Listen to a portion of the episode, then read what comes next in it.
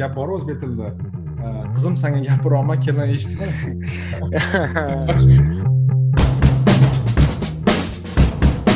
слишком такой dogmatичный o'ylashyaptida? Ha oshiryapti by default ya'ni nima deydi o'zbekchasiga default. Ya'ni hozir boshdan qaytarib yuboringda mana shunda. bu joyi kesib tashlaymiz uncha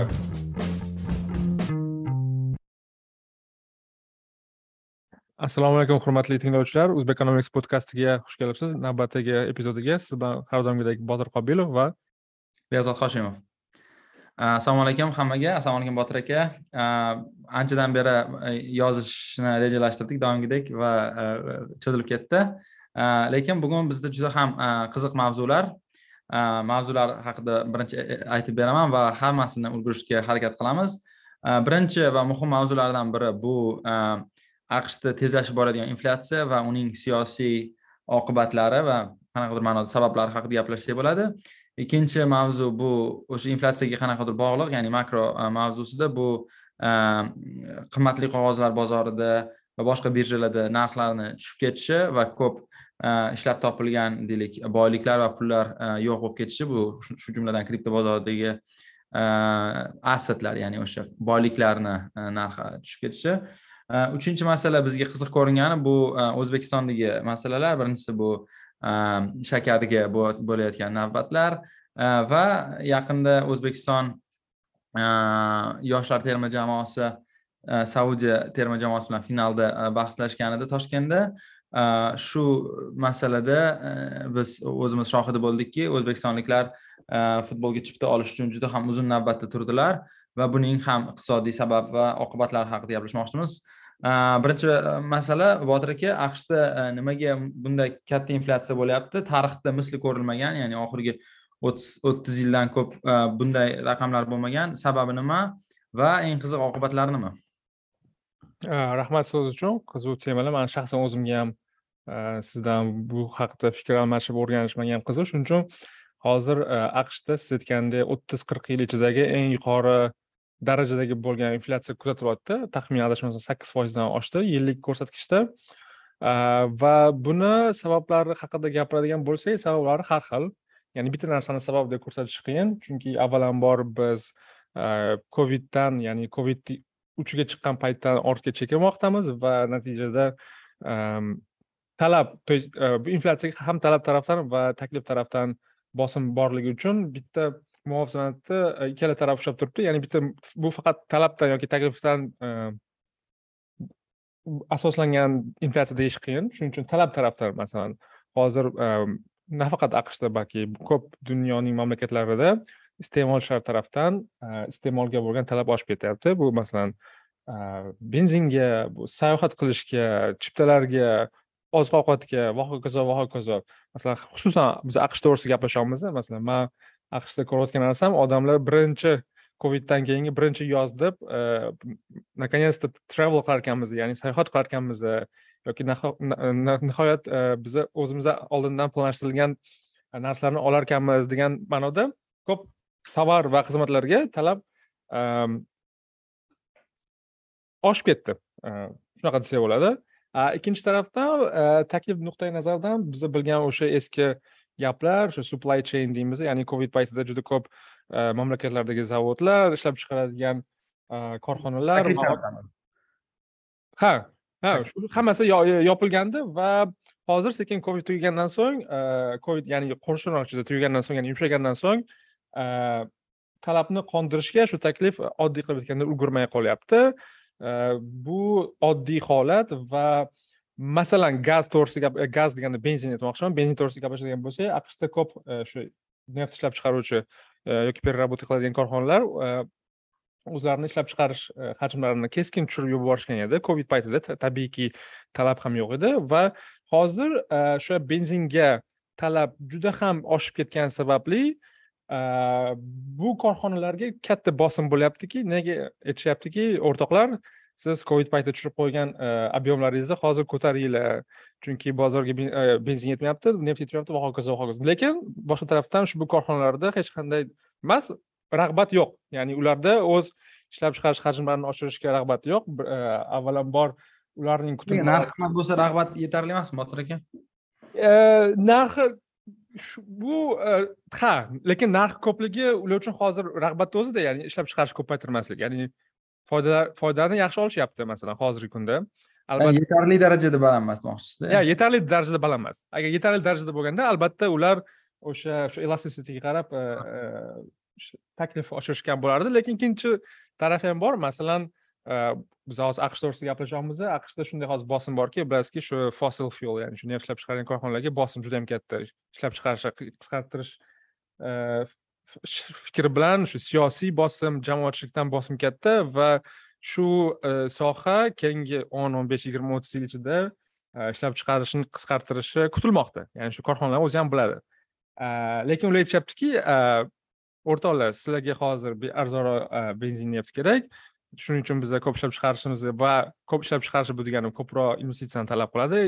Korxona aytyaptiki bizga bunaqa korxona e, bunaqa investitsiyalar hozir e, jozibali emas chunki kelajakda siz albatta bizdan so'raysiz e, yoki bosim qilasiz yoki siyosiy nuqtai nazardan cheklaysiz ishlab chiqarishimizni shuning uchun biz pul yo'qotamiz degan ma'noda ularda mana shu rag'bat yo'qligi mani fikrimcha hmm. muhim faktlardan bittasi odamlar aytishi bo'yicha masalan urush boshlandi qanaqadir siyosiy embargo yo va shunga o'xshagan Э, instrumentlar meni э, fikrimcha va manimcha jamoatchilikdan ko'p o'qiganni bilamiz. Э, eng asosiy sabab emas.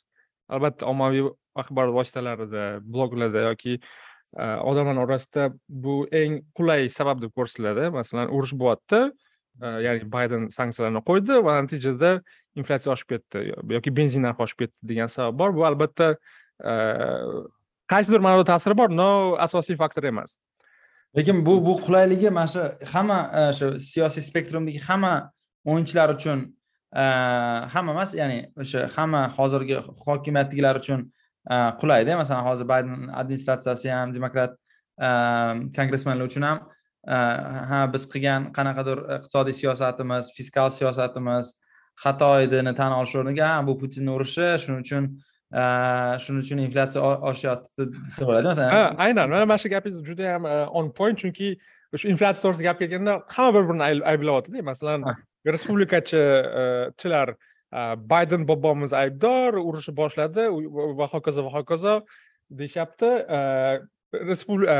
Demokratlar va oq uy ya'ni hozirgi administratsiya aytyaptiki bu putin aybdor va o'sha shu demokratlarni spektrumida yana bir ultra chapchilar bor masalan elizabet warren fikricha bunga ochoqfat korxonalar aybdor mana shu eng korxonalar shunchalik greedy bo'lib ketdi ya'ni qizg'anchiqmi bo'lib ketishdiki shu falokatdan foydalanib narxlarni oshirib qo'yishyapti degan fikrni ilgari suradi va bu ovoz beruvchilarga juda yam yoqib tushadi masalan kriticheskiy o'ylamaydigan ovoz beruvchilar uchinchisi uchinchi taraf bu investorlar yoki wall street e, aytishadiki e, inflyatsiyaga asosiy sabablardan biri deb bu o'sha administratsiya farqi hozirgimi keyingisimi ikki ming sakkizinchi yildan beri haddan tashqari e, katta tezlikda olib borilayotgan o'sha quantitative easing ya'ni o'sha iqtisodiyotni rag'batlantirish yumshatirish siyosati deb deb ko'rsatishadi. Aytishadiki mana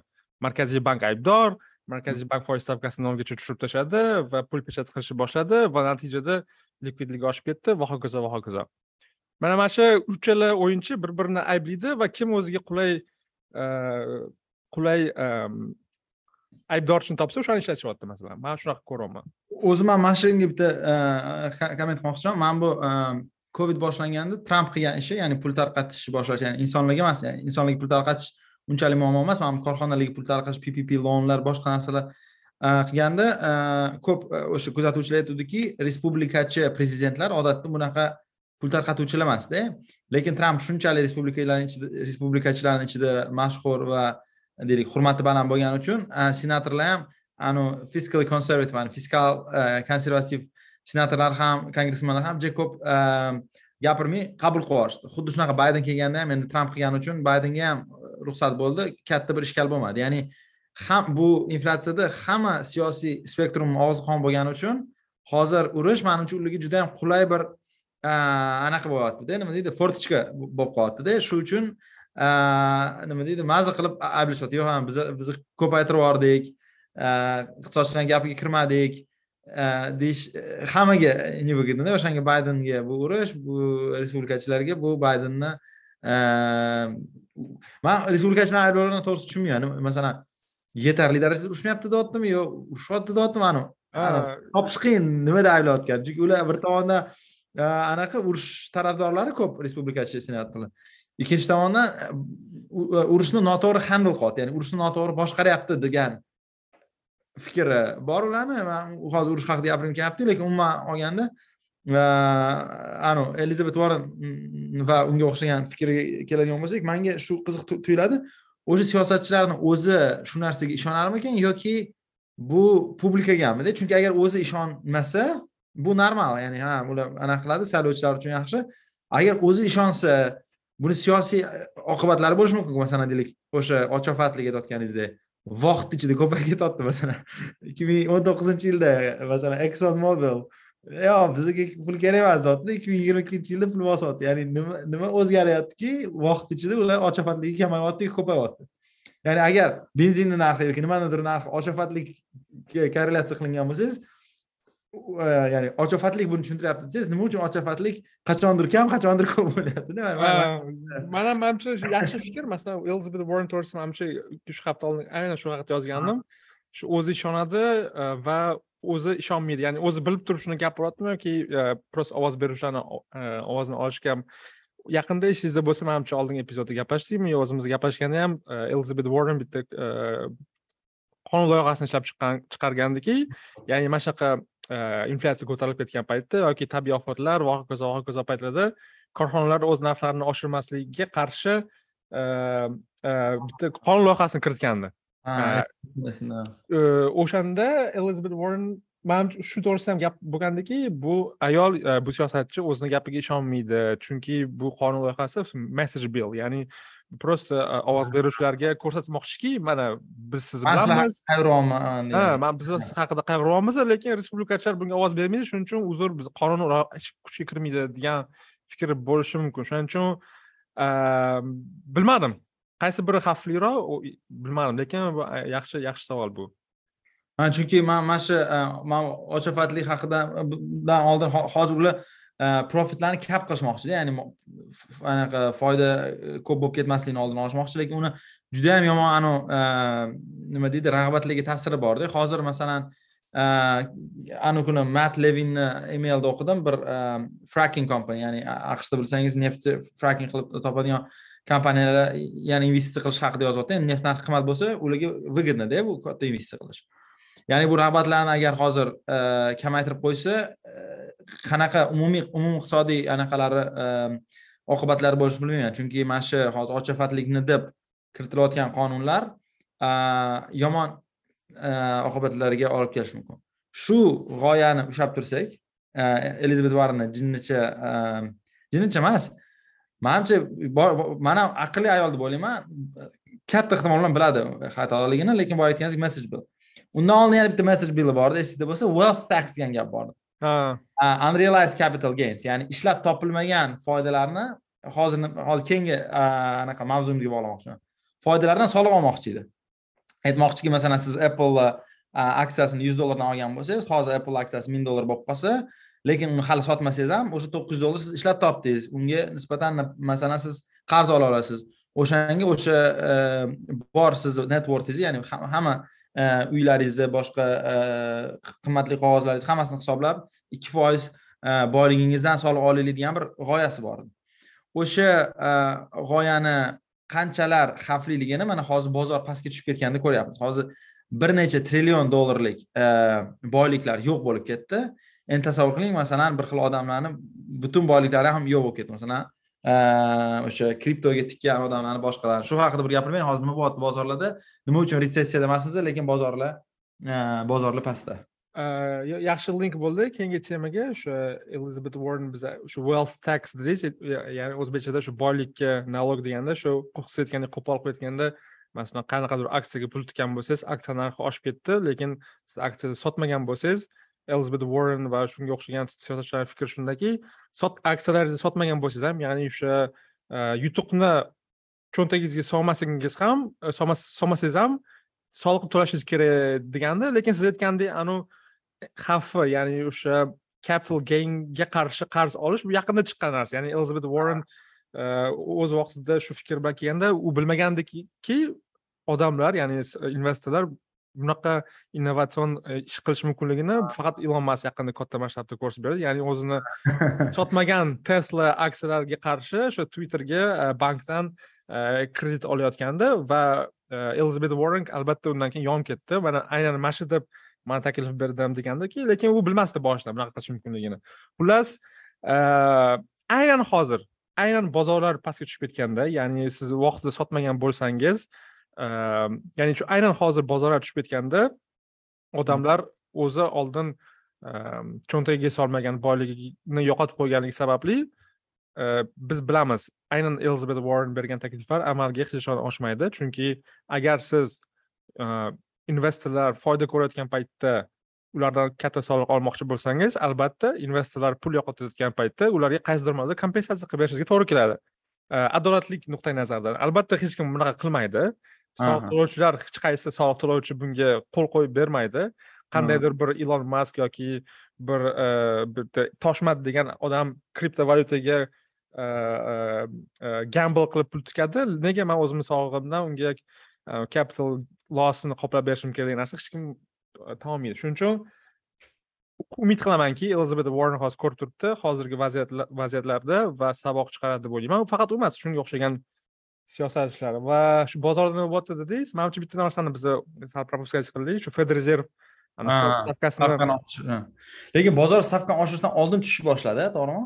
Ha chunki bozor ishtirokchilari bozor ishtirokchilari даже anavi decimal pointigacha ya'ni nol yetmish besh foizga oshirishni bilardida va shu ko'rgan bo'lsangiz e, federrezerv o'zi mana shu federrezervni e, birinchi e, qarori chiqadi keyin minutkalar chiqadida va shu atrofidagi торговля вообще juda yam qiziq narsa fenomen masalan birinchi stavka chiqadi nol yetmish beshga osh deydi bozorlar tez tez reaksiya qiladi keyin sal odamlar o'ziga kelib minutkalari chiqqandan keyin shu ya'ni kengash a'zolari nima to'g'risida gaplashgan nimani projection qilayotganini bilgandan keyin odamlar sekin boshqa yo'nalishga sotishni boshlaydi lekin shu inflyatsiya bilan federrezerv stavkasini bog'liqligi o'sha o'sha fed rezerv hozir shu inflyatsiyani bitta ma'lum darajaga tushirishga harakat qilmoqda va buning uchun ayrimlar aytadigan shu resessiyaga olib kelishi mumkin bo'lsa ham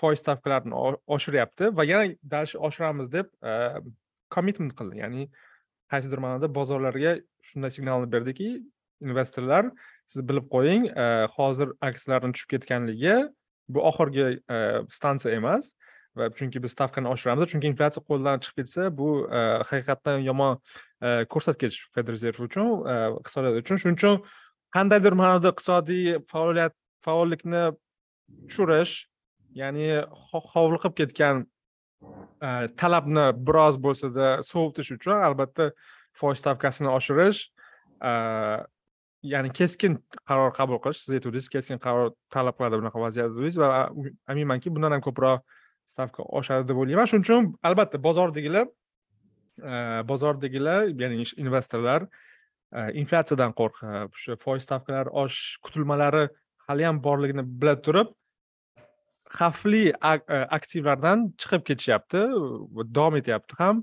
Eng birinchisi bu kriptovalyuta eng volatil e, aktivlardan biri keyin aksiyalar va hozir undan ham eng anaqa qizig'i shu aksiyalar tushib ketganda asosan korporativ obligatsiyalar sal e, xavfsizroq instrument bo'lardi va hozir teskarisi bo'lib qoldi. Ya'ni korporativ obligatsiyalar bozorida e, manimcha tarixda oxirgi bir necha yillar ichida birinchi marta e, aksiyalar shu krizisga o'xshagan paytda korporativ obligatsiyalardan ko'ra yaxshiroq ko'rsatkichda. Shu shu shu sababi mana shunaqa tushunmayman masalan korporativ obligatsiyalar mana likvidatsiyada birinchi bo'lib anaqa qilish kerakku talab qilish kerakku. Nima uchun unaqa bo'ldi deb o'ylaysiz bilmadim bilmadim. Endi likvidatsiyada to'g'ri masalan preferred preferred stock deydi ya'ni o'sha yoki obligatsiya to'g'ri masalan. Obligatsiya obligatsiyalar oxirida shu common equity aksiyadorlar pul oladi. Bilmadim bilmadim risk nuqtai nazaridan ular anaqarog'u risk kamroq deb o'ylaymanda o'shanga qiyin obligatsiyalar o'zi по определению riski judayam xavfsiz va tabiiyki reward ham ya'ni shu foiz investor sifatida oladigan daromadingiz ham pastroq. Endi bilmadim nimaga hozir teskari bo'lyapti to'g'risini aytsam u bozorda lekin siz boya aytgandek shu kripto bozorda ham masalan siz aytdingiz ikki trillionmi ikki yarim trillion pul yovib ketdida masalan yovib ketdi mana shuni man tasavvur qila olmayapmanda masalan ikki yarim trillion e, masalan bir trillion pulni ham tasavvur qilish qiyinda masalan bir trillion pulni e, masalan bir milliard pul ham katta pul masalan bir yarim bir milliardni masalan bir millionta aksioner bo'lsa ham ming dollardan yo'qotishgan deganida endi грубо говоря bir milliardni. Endi masalan amerikada taxminan yarim odamlar o'zi qimmatli qog'ozlarga narsalarga pul tikishadi to'g'rimi yarim yarmidan kamroq. Manimcha shu yarmidan kamroq odam qimmatli qog'ozlarga aksiya tikadi и mana shu gap ham diskussiyada yuradi. Ya'ni bozorlar tushib ketdi voydod voydod deyishadi keyin bir xil aytadiki e to'xtanglar o'zi yarmidan kam aholi bu bozorda qatnashish imkoniyatiga ega va tabiiyki faqat o'sha o'rtadan balandroq qatlamdagi odamlar pul yo'qotadi va bu normal deyishadi. Chunki masalan kriptodan ikki trillion pul yo'qolib ketdimi siz aytgan mat lavin ham aytdiki bu juda yam yaxshi. Ya'ni judayam masalan noxush odamlar pul yo'qotdi ha masalan judayam spekulativ odamlar. Judayam spekulativ aktivlarga pul tikdi va juda ham oshib ketgan narxlar juda ham pastga tushdi. Ya'ni normal. Normal normal albatta mani и shu ham manimcha manimcha gaplashuvdik. Mana shu aynan shu kripto bozoriga taalluqli gap. Bir foydali jamiyatga desak bo'ladi foydali tarafi o'sha kripto valyuta kripto sohaga kirib ketgan masalan juda ham skill nima deydi iqtidorli iqtidorli iqtidorli programmistlar yoki investorlar yoki hokazo hokazolar sekin boshqa sohalarga ya'ni o'zlarini o'sha zerikarli ishlariga konsalting startapiga qaytib kelishadi va o'sha ishlarini davom ettirishadi degan fikr yuradi. Ya'ni shu tarafi ham yaxshimikan deb o'ylayman ha man ham mana shu narsa o'ylayman mana shu kripto sfera ham ekosistema deydimi?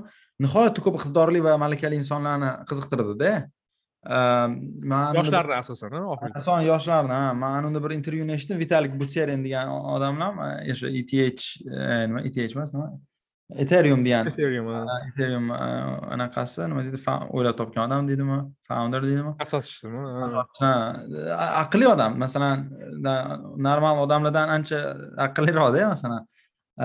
Eshitsangiz va hokazo va hokazo. Ya'ni faqat vitalik haqida gapiryapman umuman aytyapman kripto sfera juda yam katta oddiy anaqalardan oddiy ishlardan ko'p iqtidorlarni o'ziga jalb qildi va hozir agar ularni kapitalizatsiyasi kamaysa uni jozibadorligi ham kamayadi. Umumiy qanaqa muvozanatga keladi aytish qiyin. Lekin man yana kriptoni bitta anaqasi deb o'ylayman. Kriptoni qulagan foydasi hamma aytayotgandida buni. Bu spekulativniy qog'ozlar bu e, qog'ozlar emas nima deydi asset nima bo'ladi? aktiv. Aktivlar ha bu spekulativ aktivlar. Deb gapirib kelishgan iqtisodchilarda lekin kripto kundan kunga narx qimmatlashganda hamma iqtisodiy o'qituvchilar ham boshqalar ham tentakdek ko'rindida domla siz o'zi nimani bilasiz degandagida chunki e, masalan e, man esimda bor manga kimdir bittasi keldida aytdiki kripto yaqinda yetti mingga chiqadi ol dedida o'shanda hali bir ikki uch ming edida. Bitcoinmi? E, bitcoin bitcoin bitcoin. Yetti ming man yetti ming qanaqa yetti mingga chiqadi? dedimda. Man esimda bor bu gapim.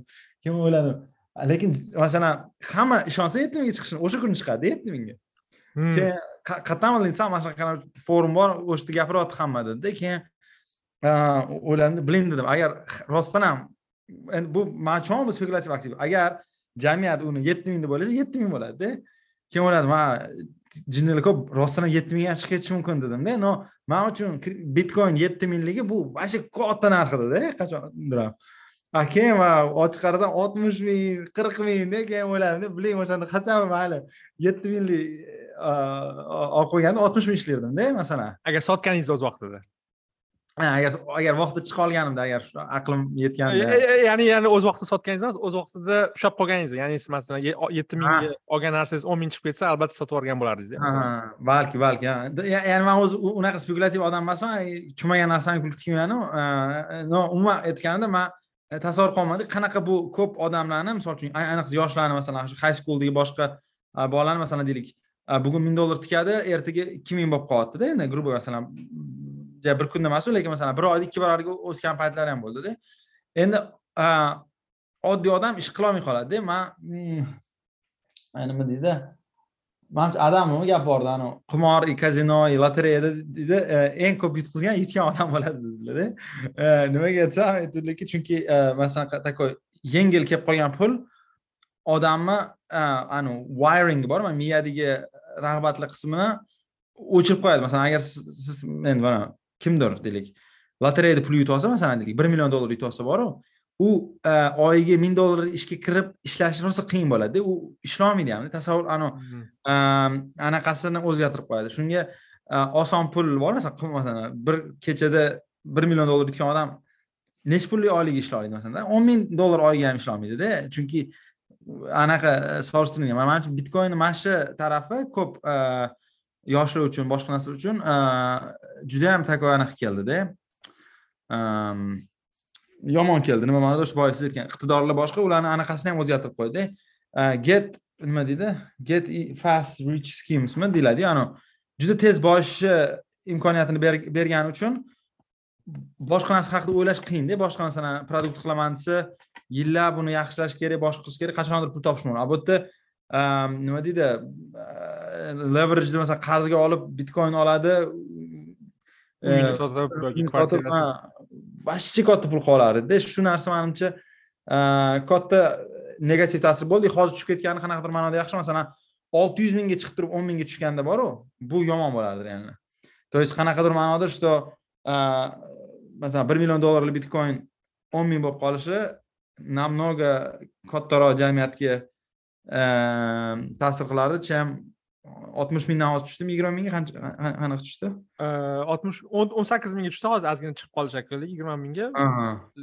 Lekin to'g'ri fikr chunki o'sha даже ko'rgan bo'lsangiz ko'p masalan brokerlar amerikadagi masalan pensiya pensiya pulimizni boshqaradigan uchta masalan fidelity vanguard degan korxonalar o'zi passiv investorlar ya'ni judayam xavfsiz narsalarga pul tikishadi lekin yaqinda shu fidelity именно shu bitcoin shu e, pension pulingizni ya'ni four oh one kga deydi amerikada shu pensiyaga jamg'arib borgan o'zingizni pulingizni e, bitcoinga ham sarmoya qilish imkoniyatini yaratib beradigan produkt chiqaryotgandi yaqinda. E, ya'ni o'sha siz masalan yillar davomida yig'ib keladigan o'n minglab yuz minglab pullaringizni bitcoinga qo'yishga imkoniyat bor qilib qo'ygandi.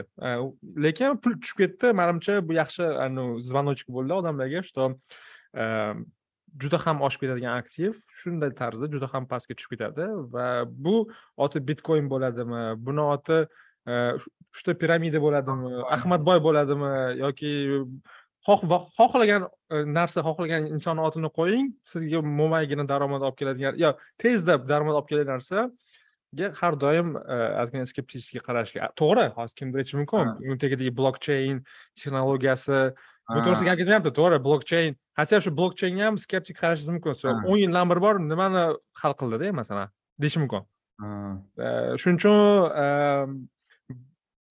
bilmadim shu bitcoin tushib ketganligi va qolgan kriptovalyuta tushib ketganligi shu investorlarga eslatma ya'ni o'sha o'zi bitcoinni eng jozibali sotiladigan nuqtalardan biri bu inflyatsiyaga qarshi hedj dedida boshida ha mana shuni bor mana uzr mana shu gapingizni bo'laman yuz marta o'qiganimda inflyatsiyaga qarshi hujjat mani bitcoin believerlar bor ani ularni такой ekstremalniy shaydolari bor. Ular bilan gaplashganmanda hammasi gapiradi detsentralizatsiya federalniy rezervga qarshi kurash aqsh hukumatini to'ntarish degandek gaplar gapirishardi.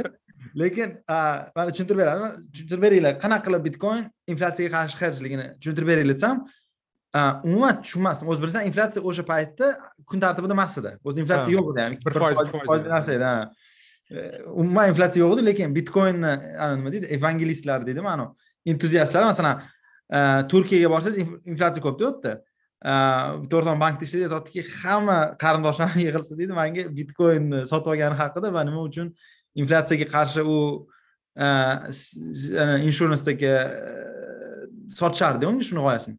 И man mana haqiqatdan sidqi dildan o'qirdim tushunmasdim manga tushuntirib bering mana просто nazariyada. Nima ular deyishmoqchi bo'lgan? Bitcoin inflyatsiyaga qarshi masalan oltin inflyatsiyaga qarshi hech demaydi hech kim chunki oltin juda yam volatil narsa masalan agar dollarda inflyatsiya bo'lsa dollardan volatilroqda смотря nimaga nisbatan hozir olyapmiz buni shu uchun man manga shuni tushuntirib bering. Ehm, endi inflyatsiya inflyatsiyaga qarshi hech deb eh, reklama qilinardi. Man yaqin paytgacha qaradim kechadan oldin qarab ko'rdim. Rostdan ham coinbase degan katta shu bit anaqa kripto kошелек bor. Ular ham hozirgacha turibdi. Inflyatsiyaga hedge deb yozgan endi asoslanmagan. Masalan man ham bu haqida o'ylashga harakat qildim. Nima uchun? Inflyatsiya inflyatsiyaga qarshi teoretически o'sha bitcoin kriptovalyuta hedge bo'lishi mumkin degan narsaga man to'g'ri to'g'ri javob topolmadim man ham bilmadim. Masalan o'zi masalan oltin yoki oltin inflyatsiya emas masalan retsessiya paytida oltin va oltinga o'xshagan masalan aqsh o'n yillik qog'ozlari gosobligatsiyalari eng xavfsiz aktiv deb hisoblanadi masalan. Oltin ham xususan oltin ham. Va yo'q lekin volatilность misol uchun oltin volatilность baland lekin как store pulni store ya'ni pulni pulni saqlash qiymati oltinda masalan muhofaza qilingan masalan oltin deganda oltinga bog'langan aksiyalar emas oltinni o'zi nazarda tutilyaptida masalan hozir shunaqa aktivlar chiqib ketgan e, instrumentlar chiqib ketgan siz oltinni sotolmaysizda oltinga bog'langan aktiv oltinni narxiga bog'langan etf olasiz e, aktiv olasiz. Lekin bu degani siz oltinni oldingiz degani emasda siz bu e, hech qanaqa hech bermaydi даже o'sha retsessiya paytida ham fojialar paytida ham lekin o'sha bitcoin bo'lsa bitcoinni ya'ni oltinni residual valuesi borda masalan oltin tosh masalan oltinni qiymatini masalan eritib bir narsa qilsa bo'ladi yoki bankda ishlamay qolsa xullas oltinda pulingizni qaysidir qiymatda saqlasangiz bo'ladi tushundim tushundim ya'ni nol nol emas demoqchisiz да. nol nol emas masalan o'sha anavi federazervga dushman bo'lgan bir o'sha kichkina klub anaqalari borku masalan fed hamma yomg'ir yog'sa ham fed aybdor deydi yoki kimdir botinkasi buzilib qolsa fed aybdor deydi. O'shalar fed va rotshildlar ha rotshildlar oila rotshildlar koch brothers hamma va hokazo va hokazo aybdor deyishadi. O'sha odamlar masalan qoniqishi mumkin masalan ularga aytishingiz mumkin man oltin olib qo'ysak ular oltinga masalan pul tikishni yaxshi ko'radi. Chunki ular biladiki o'sha даже federal buzilib ketsa ham dollar bir tiyinga qiymat pul bo'lib qolsa ham oltinni qanaqa qiymati bor? Bu gapda jon bor masalan. Oltinni residual value store valuesi bor. Bitcoinda yo'q mana shu narsa. Masalan masalan oltindan ko'ra unda misol uchun nima deydi neft olib qo'yganingiz yaxshi emasmi? Chunki masalan oltinni ham mana bu residual valuesi tushunasiz masalan commodity to'g'ri lekin neft qancha olasiz? Masalan bitta barrelga ikkita barrelga anaqada nima edi logistik nuqtai nazardan manimcha shunisi jozib neftdan manimcha ko'proq volatil bo'lsak chunki neft neft oltin nihoyatda volatil narsada keyin residual value masalan neft boru narxi bilan residual valuesi bir biriga ancha yaqinda masalan neft masalan ishlab chiqarish kosti bilan uni narxi qanaqadir masalan oltin ishlab chiqarish kosti juda yam pastda anaqaga nisbatan sotiladigan narxiga nisbatan endi to'g'ri ishlab chiqarish narxi как бы не имеет значения desangiz bo'ladiyu qanaqadir ma'noda lekin именно mana shu value nuqtai nazaridan ham kimdir oltinga pul tikish kerakmi deb so'rasa masalan man skeptikal bo'lardim chunki e, boy gapda e, man bilmayman oltinni narxini nima anaqa qiladi e, nima oltin narxiga ta'sir qiladi chunki har doim har xil narsada masalan elliginchi yilda mana bunaqa edi saksoninchi yilda mana bunaqa edi hozir boya siz aytgan gapda qancha oltinga qancha odam pul to'lashga rozi xuddi bitcoin ekan bitcoin qancha odam hozir to'lashga rozi bo'lsa narxi o'shanga shakllanib asoslanib shakllanadi manimcha oltin ham shunaqa bo'lsa kerak masalan masalan bekorga emasda masalan zолотой valyutный rezervi отчет beradi hamma markaziy banklar yoki fort knox bor amerikada masalan eng maxfiy saqlangan joy oltin rezervlari butun dunyo mamlakatlari masalan va hokazo va hokazo shuning uchun lekin bitcoinni unaqa qilolmaysiz masalan bitcoin okey nima bu residual valuesi nolga tengda ya'ni nol точка nol nol besh bo'lsa kerak masalan bilmayman ya'ni qo'lingizdagi bitcoin bilan siz oltinga o'xshagan yoki shunga o'xshagan aktivlarga yarasha store valuesi juda yam shubhalida lekin shu iqtisodchilar ham masalan aytayotganda mana shu fikr berganda ular ham tan oladi to'g'ri agar bitcoinni residual valuesi ya'ni shu oxirgi qiymati nolga teng bo'lsa ham bu bitcoinni bugungi ertangi narxi nolga teng degani emasligini bildirmaydi. Ya'ni bitcoin narxi oltmish ming bo'lishi mumkin yigirma ming bo'lishi mumkin va bu o'sha anavi iqtisodchilarni gapiga qarshi emas. Ya'ni oxirgi qiymati nol degan gapga qarshi emas. U наоборот bugungi kunda odamlar bitcoinga siz aytgan gap oltmish ming to'lamoq to'lashga rozi bo'lsa e, narxi o'shani ko'rsatadi va yigirma ming to'lashga rozi bo'lsa u o'shani ko'rsatadi odamlar rostdan ham yigirma ming to'lashga rozi chunki ular ko'ryaptiki inflyatsiyaga qarshi qanaqa hej emas judayam volatil e, va va hokazo va hokazo o'zi qarasangiz manimcha bitcoin bitcoinni e, ko'rsa bo'ladi. Anavi daftari bor.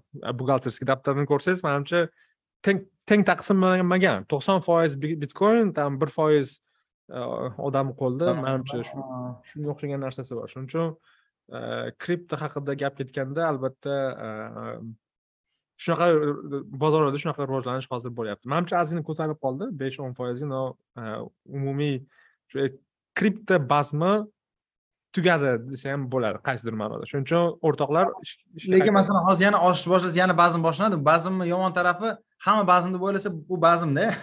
Yo'q shunaqa. Masalan bu of course mana ikki ming o'n yettinchi yilda masalan to'qqiz o'n bir mingga chiqib ketganda o'n bir mingdan sakkiz mingga tushib ketdi shunaqa bo'ldi tugadi. То есть sikl davom etaveradi agar albatta siz hozir masalan marketni time qilish qiyin но agar siz конечно o'sha risk bo'yningizga olgan ravishda sarmoya qilib vaqtida chiqib ketsangiz albatta bunday imkoniyatlar har qanday aktivlarda topsa bo'ladida shuning uchun shuning uchun shunaqa lekin bilmadim shu gapga siz ham qo'shilasiz to'g'ri masalan bitcoinni oxirgi qiymati ya'ni pul valyuta sifatida bitcoinni ko'rish mumkin emas. Mana shu joyni ham ko'pchilik tushuntirib bersangiz ham yaxshi bo'lardi. Masalan ko'pchilik o'ylaydiki mana hozir man aytdim bitcoinni sarmoya sifatida. Endi siz aytib bering bitcoinni valyuta sifatida nimaga ko'rish noto'g'ri.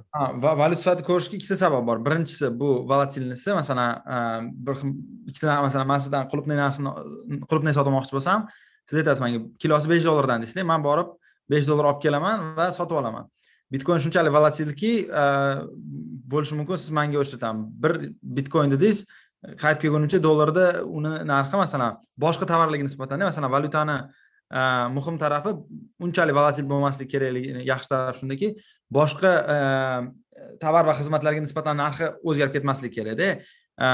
Boyagi gap masalan besh dollar desiz qulupnayni man ertaga pulni olib kelaman dedim. Ertaga besh dollar berib sizdan qulupnay olishim kerak. Endi agar siz o'shanda bitcoinni narxini aytgan bo'lsangiz o'sha besh dollarlik narxni aytgan bo'lsangiz man olib kelgunimcha u qulupnay narxi ikki yarim dollar bo'lib qolishi mumkin yoki ellik dollar bo'lib qolishi mumkinda. O'shanda e, man bilan siz o'sha kontrakt qilayotganimizda bitcoindagi tez o'zgaruvchi narsada kontrakt qilishimiz bizga невыгодно bo'lib qoladi. Chunki doim kimdir yutadi kimdir yutqazadi bunaqa narsadada. A savdoda ya'ni valyutani asosiy narsasi savdo xizmatlarni yoki tovarlarni almashish. Savdoda qanaqadir umumiyroq mahraj kerak. Bu birinchisi. Ikkinchisi tranzaksion xarajatlar. Bitcoin kashloklardan to'lashlar boshqa narsalar ancha sekinroq e, endi bilmayman texnologik nuqtai nazardan o'zgarishi mumkin mumkindir tezlashishi mumkindir lekin shu anavi e, processing time manga e, g'alati ko'ryapti. Bitcoin konferensiyaga ham bitcoindan olmadida nima deydi? To'lab olmaganda mana mana shu ikkinchisi aytgan narsaga mani misol bor. Ya'ni shu koshelok tranzaksion narxiga man rossiyadagi bitta odamga masalan o'qishdan bitta biza bitta ma'lumot sotib olyotgandik xizmat bittasi xizmat qilib berayotgandi va o'shanga pul to'lashimiz kerak edi официальный o'qishdan o'qishdan lekin bilasiz rossiyaga hech qanaqa pul jo'natmalari ya'ni o'sha traditional deydi ya'ni nima deydi an'anaviy yo'nalishlar bo'yicha rossiyaga pul yuborish ikki uch oy oldin mumkin emas edi umuman hozir bilmadim va yagona yechim bu bitcoin koshelokda счет ochib bitcoinga pul tashlaysiz anavi dollarga birma bir biriktirilgan valyutalar bor tether degan masalan birga bir и uni ha stable coin xuddi stable coin deydi o'sha rossiyadagi счетga yuborasiz u yerdan bitcoindan rublga yoki rublga o'tkazib olib yechib oladi lekin juda qiyin narsa ekan man oldin ko'rmagandim mana shu bilan yaqinda to'qnashdim birinchidan koshelok ochishingiz o'zi qiyin счетingizdan bank счетidan pul tashlashingiz kerak qanchadir qismini yeb qo'yadi ikkinchidan bu koshelok bilan anu rossiyadagi koshelok bir biriga kodlari to'g'ri kelmaydi to'g'ri kelmasa foiz to'laysiz to'g'ri kelsa yana foiz to'laysiz va anavi o'sha protsess o'rtasida stable coinlar anaqa tushib ketdida masalan birga bir birga bir по определению hech qachon dollardan chetga chiqmasligi ko'zda tutilgan stable coin tushib ketdi narxi. Ya'ni mana shu luna coin va hokazo va hokazo. Ya'ni siz aytgan o'sha tranzaksion narxlarni ustiga yana shu bitcoin e, stable coinlar e, mexanizmi buzilib qoldi.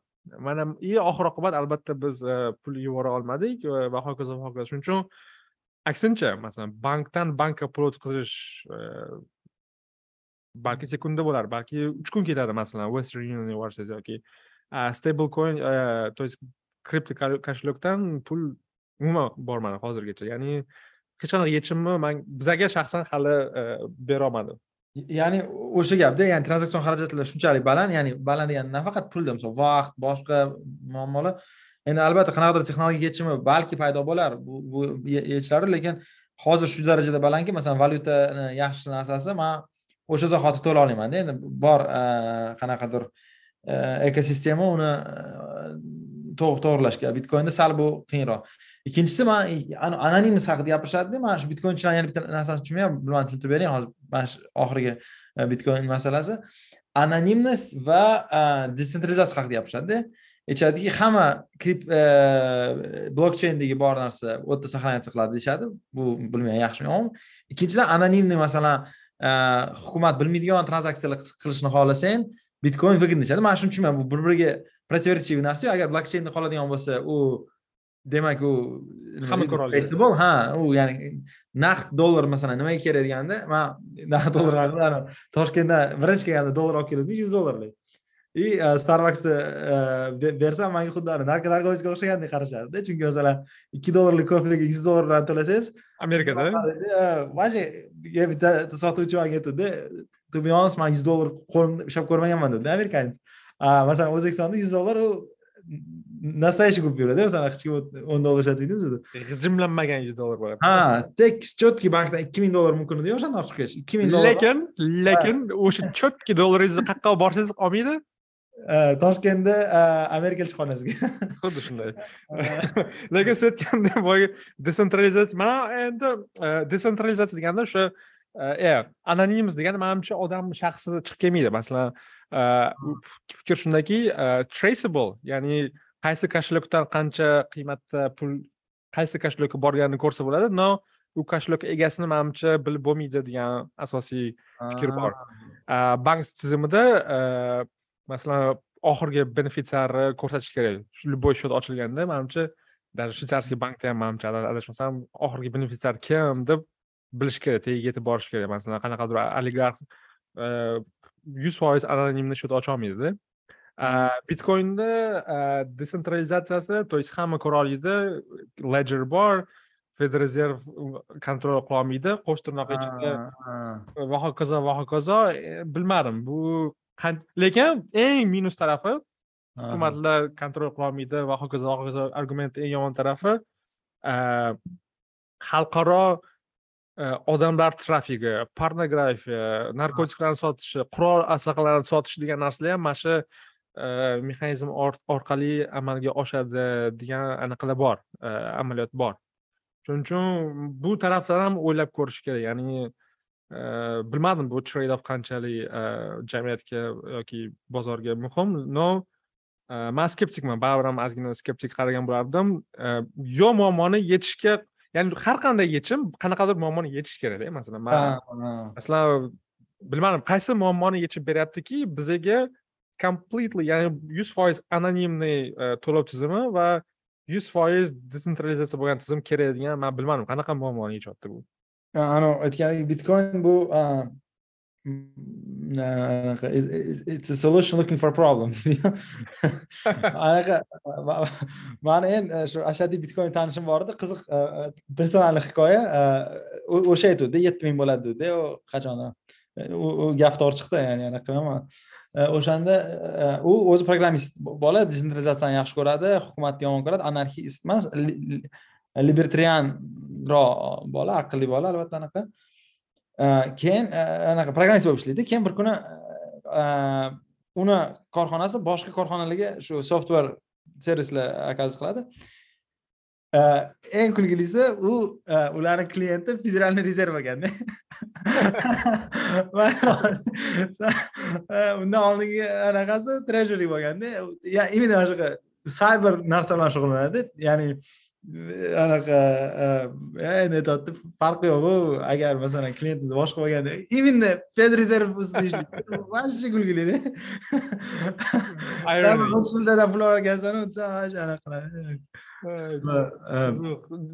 ironiya deydiyu ha mana shuda endi o'ylayapman endi ish ko'rayotganini bilmovdimda ularni klientlarini unaqa unaqa ну как бы shuni so'radiyu shu bitcoin bitcoin mavzusini yakunlagan benzin zapravkada anaqa ko'rib qoldim boya eslatib qolib benzin zapravkada bitcoin accepted degan bino anaqa vau то есть bitta amerikada masalan zapravka magazinlari ham bo'ladi kichkina o'sha yerda bir narsa sotib olsangiz bo'ladi там семечка pemechkaga o'xshagan narsalar и o'shani tepasiga yozib qo'yibdi bitcoin now accepted ya'ni hozir biz bitcoinni olamiz и qiziqda что bu bitcoin shunchalik tushib ketganligi va gazi e, benzin narxi oshib ketganligi e, bitta joyda to'qnashdi. Ya'ni e, o'sha bitcoiningiz bilan benzin olish mumkin balki mumkindir bilmadim. Но siz aytgandek olayotgan paytingizda plyus yarmi yopib ketadi tranzaksionniy izlashga orqali manimcha komissiya bo'lib. Keling anaqa behzod ozgina o'zbekiston ha anaqa bilet stadionga bilet. Nima stadion bilet. stadionga bilet. Bilmaganlarga agar tankni tagidami nima deydi tosh tagida o'tirganlar deydimi? Shu eslatib o'tamiz ya'ni o'sha o'zbekistonda anaqa bo'lganda yoshlar terma jamoasi va osiyo chempionati finalida chiqqanda biletlar ajiotaj bo'lib ketdi. O'tgan haftamidi adashmasam?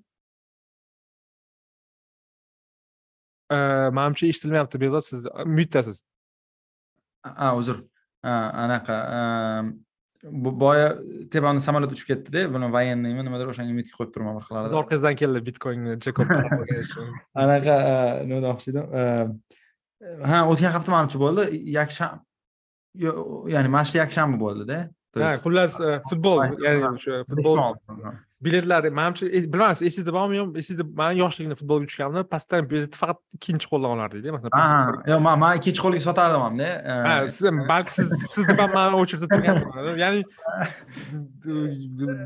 ya'ni nima deydi uchta narsaga бесконечно qarasa bo'ladi. Oqqan suvga yongan bir olovga va chiptalar muammosiga. esimni tanigandan beri yo tanish bilish qilish kerak mingta odamga telefon qilish kerak yaxshi o'yin bo'lsa yomon yaxshi o'yin bo'lsa ha bir tiyinga qimmat o'yin bo'lsa albatta maktabdagilarni hozir uchta yomon o'yinga tushmaysan yaxshi o'yin masalan сборный o'ynaganda har doim ksivalarni odamlar ko'rsatardi yoki kimgadir telefon qilardi apparatga telefon qilishardi u yoqqa bu yoqqa bilet olib bering yalinib yalinib и и и kassani oldidan odamni sotib olib ikkinchi qo'lga sotar va hokazo hokazo har xil sxemalar bor edi qarasam haligacha bor ekan bu narsa ya'ni muammo bor ekan demoqchiman muammo shundaki taqchil bo'lgan mahsulot ya'ni shakarmi biletmi parkovkami farqi yo'q taqchil bo'lgan mahsulotga mahsulotning qiymati ya'ni mahsulotning narxini sun'iy cheklash va unga bo'lgan savdo sotiqni cheklash har doim o'sha taqchillikni muammosini yechmaydi очередni ko'paytiradi taqchillikni battar oshiradi qora bozor paydo bo'ladi va hokazo va hokazo. Mana shu narsa biletlarni kontekstida ham biz ko'rdik. Manimcha shu biletlar sal ko'proq mediada ham ko'p chiqdi. Ya'ni ko'p odamlarga yaqin bo'lgan muammo bo'ldi. Ko'plar aytyaptiki nimaga masalan sotuv noto'g'ri yo'lga qo'yilgan va hokazo va hokazo. Mana shu muammoni tagini tushuntirib bering behzod qarang endi oddiy qilib tushuntiradigan bo'lsak misol uchun mana bilet yoki shu konsertga bilet boshqa narsada bizni talab katta bo'lib qolishi mumkin. Taklif qanaqadir ma'noda cheklangan deylik stadionda o'rindiqlar cheklanganligi uchun.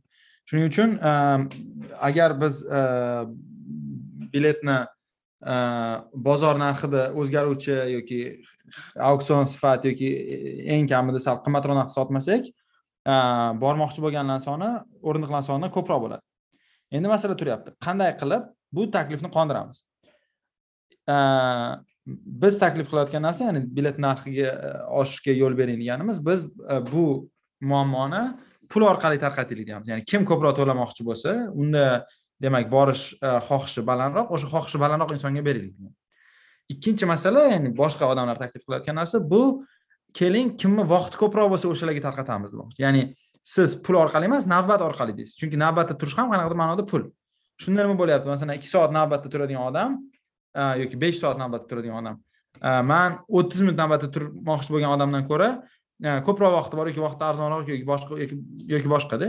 Bu degani siz tarqatayotganingizda eng borishni xohlaydigan emas eng nima deydi vaqtining qiymati yo'q bo'lgan odam bo'ladi ya'ni o'sha paytdagi vaqtini qiymati desang bo'ladi masalan o'sha o'sha yakshanba kuni ertalab turishga imkoniyati bo'lgan kabi narsada endi nima uchun qimmat narxda sotish yaxshiroq? Quyidagi narsa uchun. Deylik kimdir besh soat yerda turib biletni oldi. Masalan o'ttiz minglik bilet sotib oldi. Man deylik o'sha biletga besh yuz ming berishga roziman. O'sha o'ttiz mingga olgan odam to'g'ri besh soat turdi lekin unga masalan uch yuz ming bersa ham o'sha biletiga o'n barobar ko'p. E, sotib olishga rozi bo'ladi. Demak agar u e, o'sha uch yuz minglik biletini anaqa qila olganda nima deydi? Manga sotib olganda qanaqadir ochiq mexanizm orqali. Demak e, jamiyat uchun rosa katta foyda yaratilardi. Besh yuz ming minus o'ttiz ming to'rt yuz yetmish minglik foyda yaratiladi. U odam ikki yuz yetmish minglik foyda olardi man uch yuz e, man ikki yuz minglik foyda olardim chunki man besh yuz ming to'lamoqchiman uch yuz ming to'ladim demak agar biz biletlar narxini qimmatlashga yo'l qo'ymasak juda yam katta iqtisodiy anaqani mablag'ni yo'q qilib yuboryapmiz. Chunki e, oluvchilar bilan sotuvchilarni e, yaxshi deylik bir biriga to'qnashtirmayapmiz. Shuning shuning uchun aynan shuning uchun ya'ni insonlarni kambag'allashtirmaslik uchun qanaqadir ma'noda chunki iqtisodiy qiymatni biz yaratilishga e, yo'l qo'ymayapmiz. Shuning uchun bizga albatta e, biletlar sal qimmatroq bo'lishi kerak. Ya'ni qarang bu yerda ikkita masala bor. Birinchisi kassada ham sal qimmatroq bo'lishi kerak bilet kattaroq o'yinlarga. E, lekin kassa har doim ham to'g'ri narxlay olmaydida ya'ni dinamik narxlash bo'ladiku masalan har soat har xil narx. U sal qiyinroq deylik. Shu uchun baland narx qilish kerak va ikkilamchi bozorni qanaqadir yaxshiroq qilishga yo'l qo'yish masalan veb sayt orqalimi boshqa narsa orqalimi Э, shu narsa ham e, yaxshi bo'ladi. Ya'ni olib sotarlarni bir tomondan yomon ko'rishimiz mumkin lekin olib sotarlar katta risk oladi. Masalan agar o'yin populyar bo'lmay qolsa u o'zi tushishiga to'g'ri kelib qoladida agar vohli sotib oladiganlar agar biletni narxi yetarli darajada qimmat bo'lsa masalan uch yuz mingdan bilet sotganida e, shunaqa bo'lib qolishi mumkinki ko'p olib sotarlar o'zi e, o'zi kinoga tushishga to'g'ri kelib qolishi mumkin. E, ya'ni futbolga. Mana mana shu narsa juda yam tartibga soladigan mexanizmda masalan ko'pchilik aytadiki o'nta bilet sotyapti olib sotar so'kadi so'kadida sotolmay qolib ketsa o'zi borolmaydi deb aytishadi. No aynan mana shu narsa ham e, o'sha narxlarni tartibga solgan mexanizm. Chunki o'sha olib sotar o'ziga olgan riskga yarasha kompensatsiya qilinishi kerak. Masalan besh yuz ming siz to'lashga rozisiz ikkinchi tarafdan bu o'sha olib sotarni xizmat puli. Ya'ni olib sotar sizga bitta narsani e, ya'ni olib berdi evaziga katta risk oldi. Ya'ni shu konsertga yoki biletga hech kim tushmay qolsa oxirgi paytda kerak emas desa albatta o'sha o'nta bileti bilan o'zi ko'chada qolib ketadi. Shunga yarasha kompensatsiya qilinishi kerak va bu adolatli. Masalan ko'pchilik aytadiki bu adolatsiz narx oshib ketishi kerak. Shu qimmat degan adolat lekin taqsimlanishi eng adolatli yo'li shu aytgandek narx. Chunki nimaga nimaga o'sha очередьni oldida turgan odam olishi kerak oxirida turgan odam olishi kerak emas degan savol baribir kelib chiqadida nimaga очередьni oldidagi odamni vaqti qimmatroq чем orqada turgan. Man man o'zimda ham mana shunaqa qilganmanda. Agar bilet sotib olish imkoniyati sotib yuborish imkoniyati bo'lmasa borib masalan olib sotarlik boshqalarga? Judayam katta anaqani yo'qotamiz nima deydi? Iqtisodiy qiymatni yo'qotamizda sotib olganmiz olib sotarlardan qachondan bilet ha man постоянно masalan man постоянно amerikada masalan bilmaganlar aytishim mumkin masalan ticket master degan narsa stop ticket master degani masalan konsertmi yoki katta sport o'yinlarida shu ko'p biletlar shu именно ticket master degan tsentralizованный platformadan sotiladi o'zini komissiyasini qilib ular pul ishlaydi gap shundaki siz aytgandek именно o'sha kassa deydilar yoki pulni bilet narxini belgilayotgan shu chinovniklarmi kassa deydilarmi asl narxini o'sha vaqtda pul narxini bilmaydi. Shuning uchun ular bitta balalar qo'yib qo'yadi. O'sha veb saytdan siz sotib olasiz. Agar nimadir bo'lsa borgingiz kelmay qolsa plan o'zgarib qolsa o'sha siz biletni sotishga huquqingiz bor va imkoniyatingiz ham bor. Ikkilamchi bozor masalan o'sha ticketmaster точка comdan olingan biletni boshqa ikkilamchi veb saytlarda sotsangiz bo'ladi yoki o'ziga qaytib sotsangiz bo'ladi. Va narxi aynan o'sha paytdagi ko'chadagi shu talabgor e, talabgorlarni talabiga asosida belgilanadi va ko'pchilik foyda qiladi bundan. Masalan man e, albatta ko'p narsani e, oldindan plan qilmayman как barcha kabi va oxirgi minutda plan qilaman. Masalan ko'p narsalarga bilet qolmagan bo'ladi. Masalan basketbolga tushmoqchi bo'lsam bilet qolmagan bo'ladi va man qaraydigan joy bu ikkinchi veb saytlar bor. U yerda o'sha olib sotarlar sotadi. Ya'ni ba'zilar to'g'ri pul ishlash uchun vaqtli olib qo'yadi. Biladiki keyinchalik bu tovar taqishli bo'ladi va o'sha risk olgani uchun u kompensatsiya qiladi. Ikkinchidan bir xilla plan o'zgarib qoladi.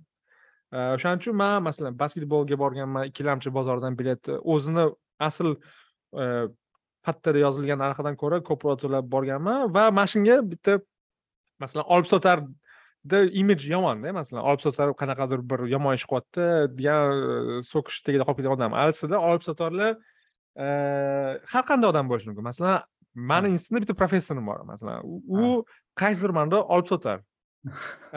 Kattaroq miqyosda. Masalan amerikada boston shahrida celtics degan basketbol komandasi bor juda yam mashhur va u sezonniy abonementi juda yam qimmat turadi. Masalan o'n ming o'n besh ming dollar yiliga turadi.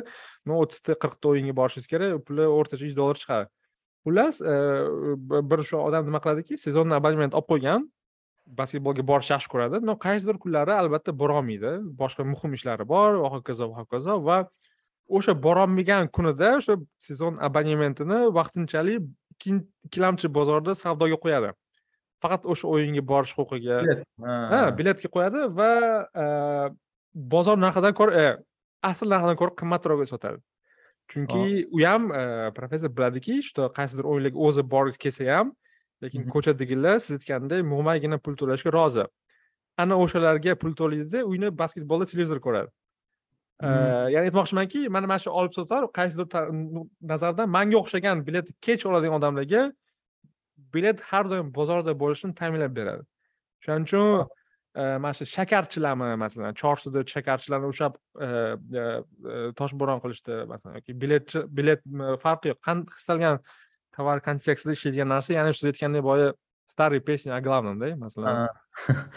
O'sha o'sha gap. Man anaqa mana shu bilet haqida hozir bilet bilan shakar bitta fundamental farqi borda chunki biletda taklifni ko'paytirish qiyinda chunki o'rindiqlar cheklangan. Shakarda taklif ko'paytirish imkoniyati bor chunki endi zavod ikki smena ishlaydi bir smenani o'rniga boshqa boshqa. Hozir bilet haqida bir anaqa ikki ming sakkizinchi yilda anavi anaqa ehm, e, ford va gmda ko'p ishchilar ishsiz qolib ketganda krizis paytida shunda anu leno jey lenomi degan anu komedian bor anu moshinalarga qiziqadigan hozir. Oti nima edi? E, jey lenomi ha jey leno degani bor. Eskiroq mashhur e, komediyachi anaqa tekin konsert bergan detroytda detroyt o'sha moshina ishlab chiqaruvchilar shahar. Keyin xullas e, borib tekin konsert bergan va o'sha ish yo'qotgan yoki ishsiz qolgan yoki vaqtinchalik ishsiz qolgan e, avtomobil zavodlarini ishchilariga biletlarni tarqatishgan nechadir kun bergan keyin bilsa u biletlarni avtomobil e, ish yo'qotganlar olib ikkinchilar ikkinchi bozorda sotishgan qimmatga misol uchun yuzlab minglab dollarlik. Keyin chiqib rosa xafa bo'lib gapirgan. Man shuncha sizlarga anaqa tekinga konsert berayotgandim sizlar mana boyvachchiligi biletlaringlarni sotib yubordinglar mana mani zavod ishchilari emas boyvachchilik o'tirib eshitib o'tiribdi deganda keyin man o'shanda hayron qilganmanda mana xayriya ish qilyapti masalan odamga tekinga bilet kelyapti jln deylik man yaxshi ko'raman yoki yaxshi ko'rmayman bilmadim. Endi agar manga kimdir ming dollar beryapti man ish yo'qotgan odamman unga sotishim manga yaxshiroqku ya'ni yaxshi ish qilib bo'ldi u odamda ya'ni qanaqadir ma'noda o'sha konsert berish o'sha ish yo'qotganlarga to'g'ri qaysidir ish yo'qotganlar uchun u konsert yaxshiroqdir balki qaysidirlar uchun o'sha kuni ovqat olish kerakdir boshqadir endi ya'ni konsertni narxi ancha past bo'lgan u odamlarga shuning uchun man anaqa o'zim ham bir marta navoiy teatriga bir operami baletga borgandim bir o'zim borsam kassada bilet yo'q da keyin kassada aytdiki anaqa qilmang dedi xafa bo'lmang dedi kelsangiz anaqa прям seansdan oldin topasiz mana bitta ko'chada sotadi dedi keldim bitta ayol sotayotgan ekan masalan ozgina o'sha nechi pul bo'lsa o'sha narxda sotayotgan ekan nimaga unaqa desam ishxonasidan berishgan ekan u biletnida a man borgim kelmayapti deyapti man manga pul bilan bergani yaxshiroq deyaptida o'shanga man прям kassa narxida sotib olganman u odamni. Demoqchi bo'lganim mana shu e, nima deydi bozorga yo'l qo'ymaslik hammani qiynaydida. O'sha e, tekinga tushgan faol studentlarga ham e, ya'ni toshkentda qanaqadir благотворительный konsert bo'lganda xuddi shunaqa bo'lgan. Qanaqadir studentlarga berishgan. Ular keyin uni sotishgan. Man aytganman to'g'ri qilishgan молодцы chunki masalan man studentman qanaqadir operani eshitganimdan ko'ra e, yuz dollar olib kvartiramga bir oy to'layman yoki endi bor mani masalan anaqa xarajatlarim bor. A kimdir u yuz dollarga maza qilib konsertni ko'radida ya'ni ikkala taraf yutishga yo'l qo'ymaslik degan narsada ikkala taraf ham boyiydi bu narsadan o'shani manimcha yo'l qo'yib berish kerak e, e, deb o'ylayman. Shakar masalasiga kelsak bitta narsani aytmoqchiman. Siz yozdingizku kanalingizda botir akani e, telegram kanallarida o'qisanglar bo'ladi. O'shanda man bitta fikr keldi yozaman deb yozolmay qoldim. E, bizda har doim man shuni ko'rdim. E, talabni subsidiyalashtiramiz taklifni anaqa qilamiz. Nima deydi? Taklifni jazolaymiz. Mana mana shunaqadek ko'rdim mana shu narsani. Ya'ni shakar narxini arzon ushlab turish bu talabni subsidiyalashtirish. Ani olib sotalarni anaqa qilish bu taklifni e, jazolashda. Biz teskari qilishimiz kerak. Biz taklifga rag'bat berishimiz kerak e, e, taklifga rag'bat berishimiz kerak. Talabni esa kamaytirish choralarini ko'rishimiz kerak. Biz teskari qilamiz. Shakar qimmatlashyaptimi demak arzon qilib turishimiz kerak bu degani subsidiyalashtirishimiz kerak taklif kelsa jazo qo'yishimiz kerak mana shu logikani aytmoqchiman nima deb o'ylaysiz yuz foiz qo'shilaman yuz foiz qo'shilaman aynan shu gap asosiy asosiy muammo aynan mana shunda qandaydir narsani narxi shiddatli oshib ketsa uni narxini sun'iy ravishda ushlab turish kerak degan g'oya сразу keladi taklif va rag'batlantirish o'rniga. Siz aytgandek taklifni rag'batlantirmasak o'shani o'zi yaxshi bo'lardi чем taklifni jazolasak. Masalan ham taklifni rag'batlantirmaymiz ham talab e, taklifni jazolash bu ikki barobar e, jazo bo'ladi. Manimcha bunga juda yam qo'shilaman bundan chiroyliroq manimcha ifoda qilib e, bo'lmas edi deb o'ylayman. Shuning uchun mana shu narsa qayta qayta chiqib kelishi e, bilmadim. Man to'g'risini aytsam charchadim. Mana shu masaladan ya'ni no qayta qayta aytaverish manimcha e, e, shunga ya'ni har xil kontekstlarda chiqib kelyapti bitta dars hamma kontekstlarga taalluqli bo'lgan dars qayta qayta chiqib kelayotganligi va teskarisi amalda bo'layotganligi ozgina odamni xafa qiladi. Mm, lekin bilmadim. Biza sport qilishimiz mumkin. Keyingi kontekst qanaqa bo'lar ekan qaysi kontekstda xuddi shu mexanizm teskari ishlayotganini mana shu ana shu har doim taklifni jazolash talabni esa rag'batlantirish qilamiz teskarisi bo'lishi kerak. Non masalan non ham xuddi shunaqa nonni ham talabni talabni subsidiya qilamiz masalan. Arzon bo'lib tursin deymiz и talabni siz aytgandek jazolamas qo'sh tirnoq ichida talabni jilovlash o'rniga talabni subsidiya qilish benzin ham masalan xuddi shunaqa.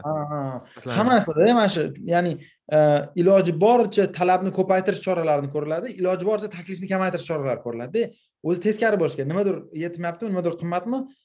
Birinchi ishlaydigan fikr qanaqa qilib o'sha stadion agar metafora ishlasak o'rindiqlarni ko'paytirish bilan shug'ullanishimiz kerak a biz aytamizki yo'q hamma tushmoqchimi? Qanaqa qilib bilet narxini pastroq tushirtirishimiz kerak? Yo'q masala u o'sha hmm. boyagi narsada ya'ni o'rindiqlarni ko'paytirish hozir o'shanga aytdim stadion bilan shakar farqi stadionda rostdan ham o'rindiqlar fiks fiksiya qilingan ya'ni ko'paytira olmaysiz lekin shakardagi yoki shunga o'xshagan narsalarda ko'paytirsa bo'ladi. Endi stadionda qanaqadir ma'noda ko'paytirsa bo'ladi ham yangi anaqa qilib qo'yib deb uchinchi etaj qilib nimadir qilishadiyu lekin lekin gap shundaki bizani bizada bir yil e, uch yilda bitta o'yin bo'ladi unaqa to'ldiradi shunisi fix costi слишком baland shuning uchun e, shu siz aytgandek ikkilamchi bozorda har qanday narsani savdo qilinishiga yo'l qo'yib berilishi e, eng ma'qul yechim bo'lardi любой kontekstda shuning uchun Э, bilmadim ko'ramiz. Э, ba'zi bilmadim qaysi sohani misol keltirmoqchi edim hozir hayolim kelmayapti. Qaysi sohada ayta olasizmi masalan o'zbekistonda ikkilamchi bozor e, zo'r ishlayapti. E, e, aynan ikkilamchi bozor. Birlamchi emas ikkilamchi bozor. Ikkilamchi bozor deganingiz ya'ni olib sotarlarni bozori degan ma'nodami endi qarang masalan hamma